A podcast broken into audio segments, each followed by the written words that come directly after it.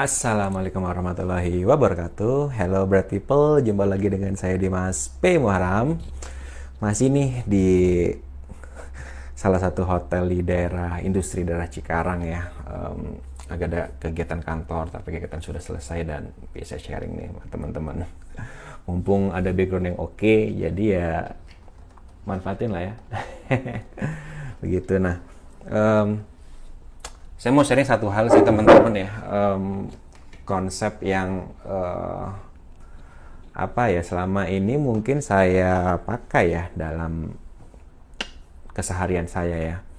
Gitu. Saya sering bilang um, beberapa hal apa di beberapa kesempatan gitu ya bahwa definisi kemandirian buat saya itu mandiri itu bukan ke mana-mana harus sendiri apa-apa harus cuma sendiri gitu. Itu sih buat saya bukan mandiri tapi itu sih jomblo namanya Nah, saya mau share tentang itu sih. Cuman sebelumnya saya mau terima kasih dulu buat teman-teman yang sudah uh, subscribe channel ini, terus juga like video ini dan juga bantu share untuk uh, karena yang teman-teman lakukan itu adalah bentuk dukungan buat saya, buat channel ini sehingga saya bisa lebih semangat lagi dan juga um, ada ide-ide nih gitu buat apa yang bisa sharing buat teman-teman dan komentar teman-teman, interaksi, masukan juga saya sangat apresiasi sekali dan itu yang kadang-kadang jadi uh, inspirasi buat saya buat konten atau apa yang bisa saya sharing ya.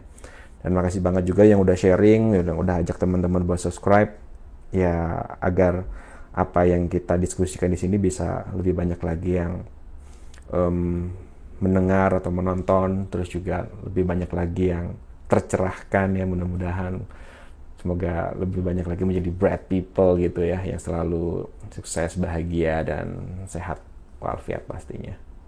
Tapi buat teman-teman yang belum subscribe hmm, cukup tahu aja sih. Oke jadi sebenarnya berawal dari ini sih berawal dari waktu itu ada salah seorang teman yang uh, dia sharing ya. Jadi um, dia sedang ikut proses untuk mendaftar ini untuk mendaftar um, ASN gitu ya ASN di tahun ini gitu ya dia seorang disabilitas netra.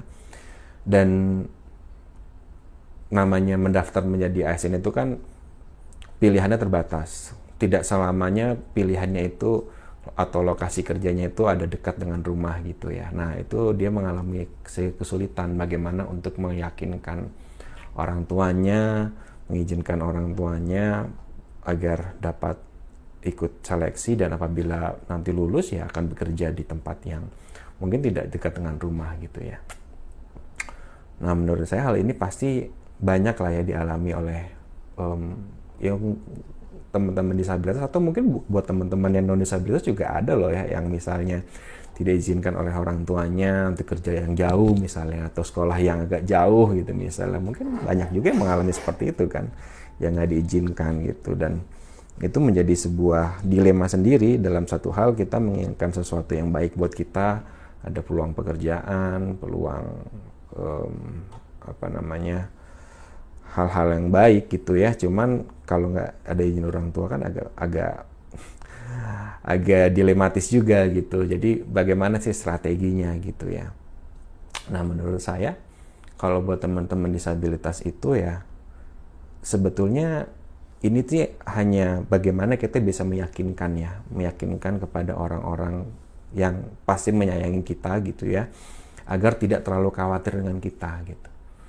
Um, yang yang biasa saya lakukan adalah sebetulnya cukup berikan informasi secukupnya aja karena sedikit mungkin orang orang-orang itu tahu gitu kan akan sedikit sedikit juga kekhawatirannya gitu loh jadi nggak perlu karena memang bagaimanapun kadang orang-orang itu tidak tidak mengalami dan juga tidak paham gitu loh bahwa kita nih bahwa teman-teman disabilitas itu ya kita kan cuma disabilitas tapi bukan bego ya.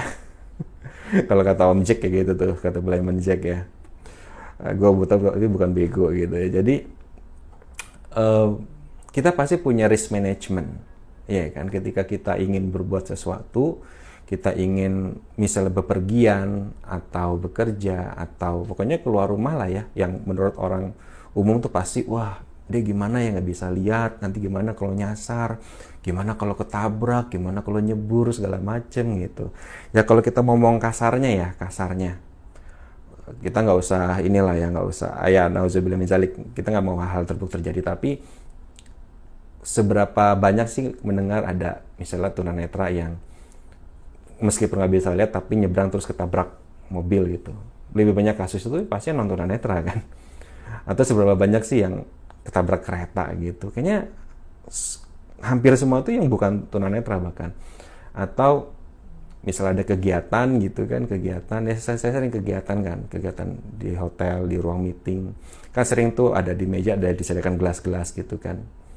Alhamdulillah saya nggak nggak pernah gitu uh, mecahin gelas tapi malah ada rekan-rekan kerja saya yang lain yang orang awas gitu yang mecahin gelas gitu yang nggak sengaja dan lain-lain nah jadi sebetulnya teman-teman disabilitas itu punya risk management gitu loh. Dia tahu se sampai mana batasan dirinya, dia tahu mana yang berbahaya dan dia tahu bagaimana cara untuk menghindari bahaya itu.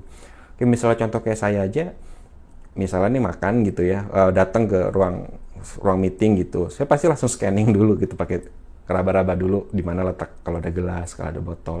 Kalau misalnya letaknya kira-kira mengganggu saya, ya saya singkirkan dulu, pinggirin gitu loh. Jadi aman gitu loh. Nah, saya selalu mikirkan seperti itu dulu gitu loh, nggak sembarangan teman-teman kita nggak lihat terus sembarangan aja gitu ya. Sama seperti misalnya ketika saya mau bepergian ke kantor misalnya. Saya kan punya bisa mengukur gitu ya, bisa mengukur resiko. Kalau misalnya tidak ada alat transportasi umum yang aksesibel, ya saya akan pilih untuk pilih kendaraan misalnya pribadi. Sekarang ada Gojek, ya kan, ada Jack online, ada taksi online. Mahal dikit nggak apa-apa, yang penting buat saya aman.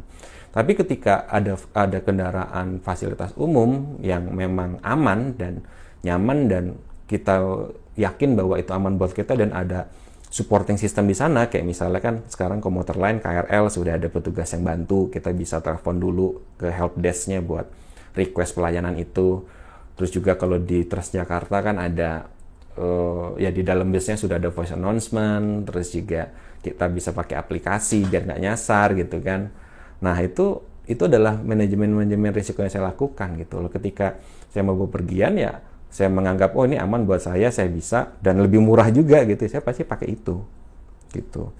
Sama kayak misalnya dulu juga pas saya pernah ada acara um, waktu 2017 ada kegiatan Ashoka waktu itu jadi kayak buat yang change maker buat uh, social entrepreneur Nah itu di acara di Singapura, di Malaysia dan kita harus naik pesawat ke Singapura lah pastinya ya. Dan nggak mungkin dong ajak orang tua gitu karena kan tiketnya pasti terbatas. Nggak males juga ajak, ajak orang pendampingan bayar sendiri kan gitu. Dan itu acara juga acara anak muda juga dan menurut saya jadi sebuah momentum juga buat kita kalau nyari pendamping, bawa pendamping malah nanti jadi terbatas gitu ya. Kalau nggak ada pendamping kita bisa kenalan oleh banyak orang, banyak teman-teman di sana. Memang ada rombongan juga yang dari Indonesia sama bareng. Cuman dia kalau nggak salah terbangnya dari Jogja dan kita nggak satu flight gitu loh. Nah cara yang saya lakukan apa ya? Saya make sure dulu gitu loh. Make sure uh, bahwa nanti di sana ketika datang ada panitia lokal yang jemput, ya kan?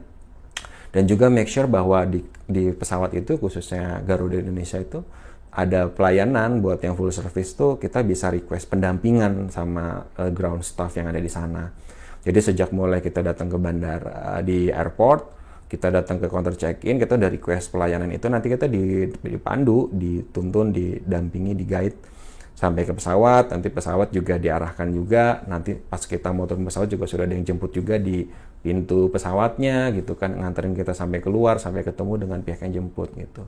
Nah, hal itu juga kayak semacam pengalaman pertama saya tuh keluar negeri dan sendirian. Keluar negeri dan sendirian ya gitu. Sendiri maksudnya artian tidak bawa pendamping.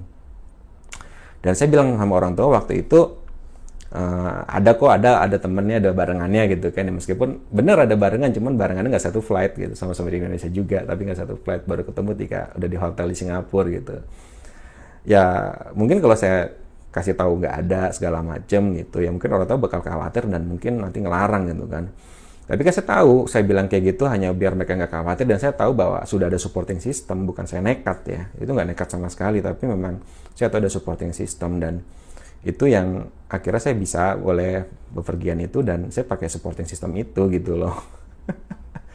Jadi ya memang perlu strategi ya bahwa memang kadang-kadang disabilitas selalu dianggapnya nggak bisa mandiri ke mana-mana harus ini segala macam dikhawatirkan ditakutkan ini itu segala macam tapi kita tuh bisa berpikir gitu ya bisa berpikir dan kita tahu manajemen resikonya. Sama seperti tadi kasus teman tadi yang dia mendaftar ASN tapi karena peluangnya lowongan buat itu ada jauh dari rumah gitu kan ya kan tetap ada manajemen risiko gitu. Misalnya uh, ya nanti tetap pilih tempat sekolah tuh yang tidak pedalaman-pedalaman banget misalnya. Terus juga mungkin nanti gimana cara pilih tempat tinggalnya. Terus juga ya supporting sistemnya kan kita nggak hidup sendirian kan. Ada ada teman ada rekan kerja ada ada tetangga misalnya yang pasti akan bisa bantu juga gitu kan. Bagaimana kita bisa mengkomunikasikan itu semua gitu. Nah oleh itu makanya saya bilang bahwa definisi kemandirian buat saya itu bukan ke mana-mana harus sendiri sendiri sendiri gituan sendirian gitu ya nekat gitu. Itu namanya nekat.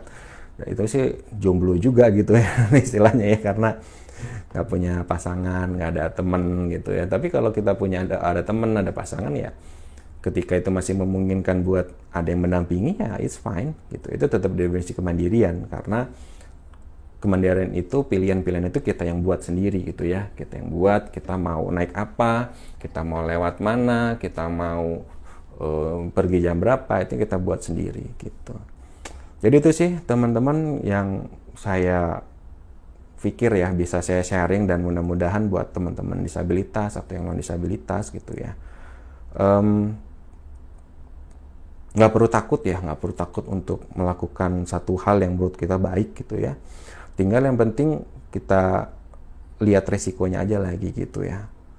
Sama kayak misalnya dulu pas saya daftar CPNS itu kan uh, ya saya nggak tahu lah nanti kerjanya apa bagaimana gitu ya. Saya daftar aja karena memang background pendidikan masuk di situ ada peluangnya saya daftar. Ya saya berpikir gini aja sih kalau misalnya memang saya lolos ikut tes lolos ya berarti memang saya ditakdirkan buat dapat pekerjaan itu dan saya yakin bahwa Allah itu akan menjaga semua umatnya gitu ya semua hamba-hambanya gitu. Dan nggak mungkin lah kita dibiarin sendiri gitu pasti sudah diatur semuanya. Tapi bukan berarti kita pasrah juga kita juga harus berpikir cari informasi komunikasi gitu ya untuk meminimalkan risiko-risiko itu. Tapi kalau misalnya saya ikut tes dan nggak lolos ya berarti emang nggak baik buat saya itu aja. Sesimpel itu kan berpikirnya gitu. Jadi nggak perlu takut teman-teman ketika ada peluang misalnya peluang pekerjaan atau apa hajar aja dulu gitu ya. Yang penting sesuai dengan kompetensi kita. Yang yang penting kan kompetensi dulu. Kalau kompetensi itu kan sesuatu yang basic banget yang yang dibutuhkan dalam pekerjaan atau dalam hal apa pun. Tapi kalau soal aksesibilitas, masalah jarak, masalah support itu hal-hal yang bisa dinegosiasikan dan bisa difikirkan kemudian gitu. So tetap semangat teman-teman, um, tetap menjadi seorang yang mandiri ya, mandiri tapi bukan jomblo. Ingat lagi sekali lagi mandiri bukan jomblo ya. dan semoga selalu sukses buat teman-teman semua, sehat selalu dan uh, kita semua bisa mendapatkan masa depan yang cerah secerah sinar mentari. Oke, okay, bright people, Dimas Muharam is signing out. Thank you and see ya.